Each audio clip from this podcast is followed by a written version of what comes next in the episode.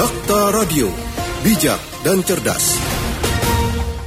Dakta Radio Bijak Bersyukur Cerdas bertafakur sudah pukul 18.45 waktu Indonesia Barat. Silakan rekan Dakta masih dapat bergabung bersama kami di 8816363 SMS atau WhatsApp 0815 follow dan mention di akun Twitter serta Instagram di @radiodakta. Siaran kami juga dapat Anda dengarkan melalui fasilitas audio streaming di www.dakta.com. Dan rekan Dakta, penggunaan marijuana atau ganja memang cukup kontroversial, bahkan keberadaan ganja dianggap ilegal dan termasuk ke dalam obat terlarang karena mengkonsumsi ganja bisa mempengaruhi tubuh dan pikiran. Namun ada usulan dari Komisi 6 DPR yang mengusulkan ganja menjadi komoditas ekspor Indonesia. Namun benarkah tanaman ganja yang tumbuh subur di Aceh memiliki manfaat secara medis? Kami akan membahasnya bersama dokter spesialis penyakit dalam Dr. Irman Finasin, spesialis paru. Dakta Radio, bijak dan cerdas. Assalamualaikum Dr. Firman. Waalaikumsalam Mbak Ufi. Ya, Dokter Irman, benarkah ganja memiliki manfaat secara medis? Ya kalau kita lihat ya secara medis ya, memang dikatakan ada kanabinoid ya. Memang di di medis itu di luar negeri ya, Mbak Ufi cuman ya, itu yeah. katanya bisa digunakan untuk terapi beberapa penyakit ya, seperti multiple sclerosis, jadi kaku-kaku ya, ada persendian seluruh tubuh ototnya ya, kemudian juga katanya bisa di kejiwaan itu bisa membuat memberi ketenangan dan itu ya, itu juga bisa dikatakan menghilangkan nyeri, kapasitas paru juga bisa meningkat, itu memang di negara lain yang seperti misalkan di Amerika memang itu uh, dilegalkan ya ada karena ada isi dari uh, ganja atau marijuana itu kan mengandung kanabinoid ya yang fungsinya seperti itu Mbak Mbak Ulfi ya. Iya. Tapi kalau uh, kita lihat kalangan medis pernah uh, menggunakan ganja dalam proses pengobatan dokter ya? Iya, iya di luar Mbak, di luar. Kalau di Indonesia pernah tidak dokter? Ya, kita sampai saat ini memang uh, tidak ada mbak ya, dan itu pun juga memang erat hubungannya ya kalau kita bicara secara hukum ya. ya kebetulan kami juga ya, apa sarjana hukum juga kebetulan mbak mbak Lufi ya. Iya. Itu di undang-undang narkotika saja sudah dilarang tuh mbak di Indonesia di Undang-Undang 35 2009 ya. Di situ pasal yang mengancamnya cukup berat juga tuh Mbak. Ya, kurang dari satu gram aja orang bisa dihukum antara 4 sampai 12 tahun. Lebih dari 5 gram pun di diancam dengan ukuran hukuman seumur hidup. Diperkuat lagi Mbak, ada peraturan Menteri Kesehatan. Nah, saya bisa di eh, ganja itu dimasukkan ya walaupun di Undang-Undang Nomor 35 eh, belum dijelaskan secara jelas itu di PMK 50 2018 ya kalau kita baca sama ganja itu sudah dimasukkan ke golongan pertama Mbak Ulfi. Saya rasa mungkin eh, untuk dijadikan obat buat kalangan medis itu apalagi di farmasi itu eh, tidak memungkinkan Mbak Ulfi ya. Mm -hmm. Karena kita tahu juga ya kalau kita tahu memang ganja bermanfaat untuk menghilangkan sakit. Cuman apakah ganja saja yang bisa menghilangkan rasa sakit? Apakah ganja saja yang bisa meningkatkan kapasitas paru? Masih banyak obat-obatan medis yang saya rasa juga bisa mengatasi masalah penyakit-penyakit tersebut Mbak Ulfi. Mungkin itu komentar saya. Iya, tapi bagaimana kalau ada uh, anggota DPR yang mengusulkan ganja menjadi komoditas ekspor bahkan dilegalkan di Indonesia?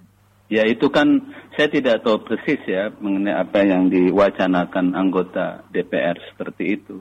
Cuman kalau mengacu pada undang-undang narkotika, undang-undang, saya rasa mungkin anggota DPR juga sudah tahu mengenai Undang-Undang 35 2009 tentang narkotika, kemudian juga diperjelas lagi oleh PMK. Ini kita maaf jadi berbicara undang-undang, Mbak. Iya, tidak masalah. Nah, 50 2018 itu sudah dijelaskan bahwa ganja itu termasuk golongan satu, Mbak. Artinya golongan satu ya bukan berarti dua, tiga, empat tidak. Ya golongan satu ya mungkin lebih ketat lagi ya. Jadi apa, dilarangnya, Mbak. Bukan digunakannya, dilarangnya ya ya mungkin itu mbak ya tapi ini diusulkan dari anggota DPR yang berasal dari Aceh sebagaimana kita ketahui bahwa uh, ganja ini tumbuh subur di Aceh? Iya. Ya itulah ya. Kalau kita ya terus terang ya kalangan medis ya ya tentu ya kalau hal-hal tersebut ya yang sudah jelas dilarang kalau dalam bentuk undang-undang kan sudah kuat mbak Ulfi ya. Yeah. ya undang-undang saya rasa itu mengikat pada semua orang ya.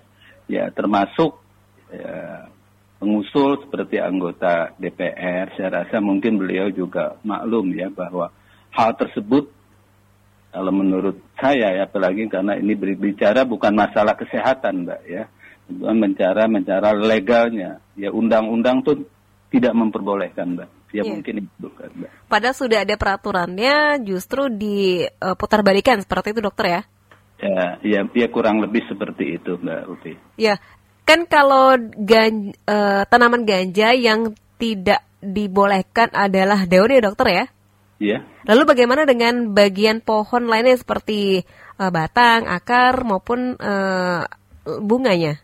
Iya, jelas di undang-undang ya, terutama di PMK kalau Mbak Lufi juga baca dan rekan-rekan Dakta juga baca, bukan itu semuanya mbak ya ya mungkin sampai seratnya pun jeraminya pun ya mungkin bijinya pun itu semua dilarang mbak. Termasuk hasil olahannya mbak Lufi itu kita bisa lihat tuh di PMK peraturan Menteri Kesehatan tuh 50 2018 jadi seluruhnya mbak Ulfi hmm.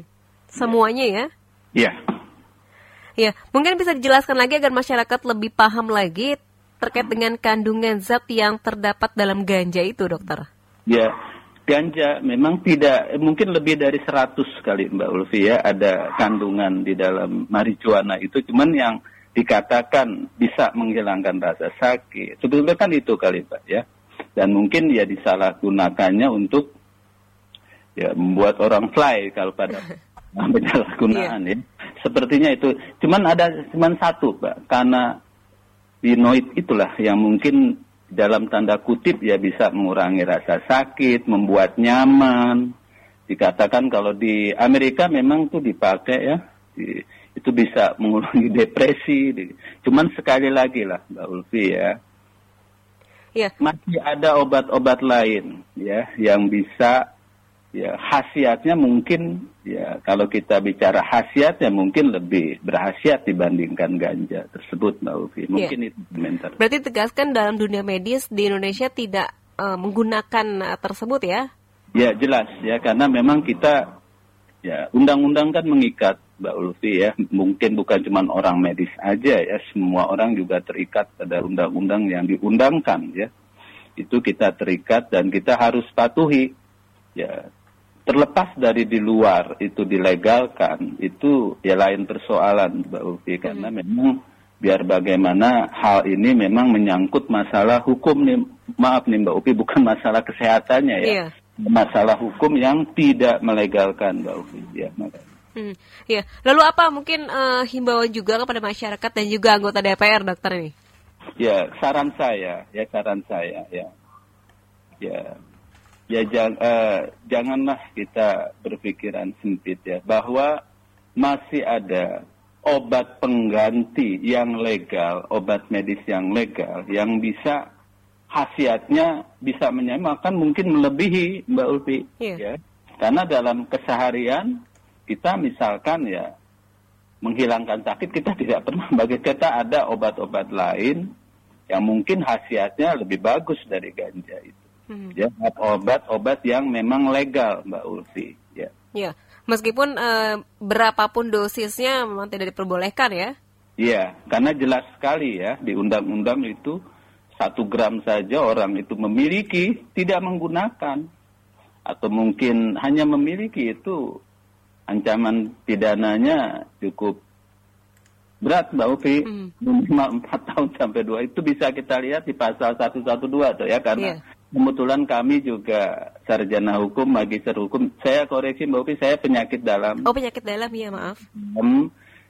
Kemudian kami juga sarjana hukum, magister hukum ya, lulusan dari Fakultas Hukum dari Hmm.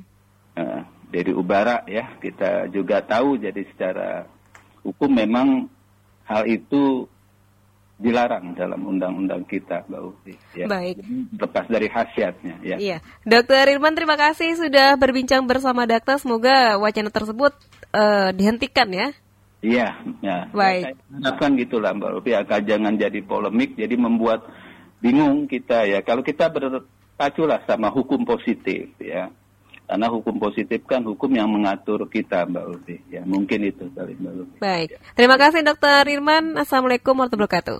Waalaikumsalam warahmatullahi wabarakatuh. Ya. Dakta Radio, bijak dan cerdas. Dokter spesialis penyakit dalam Dokter Irman Finasim.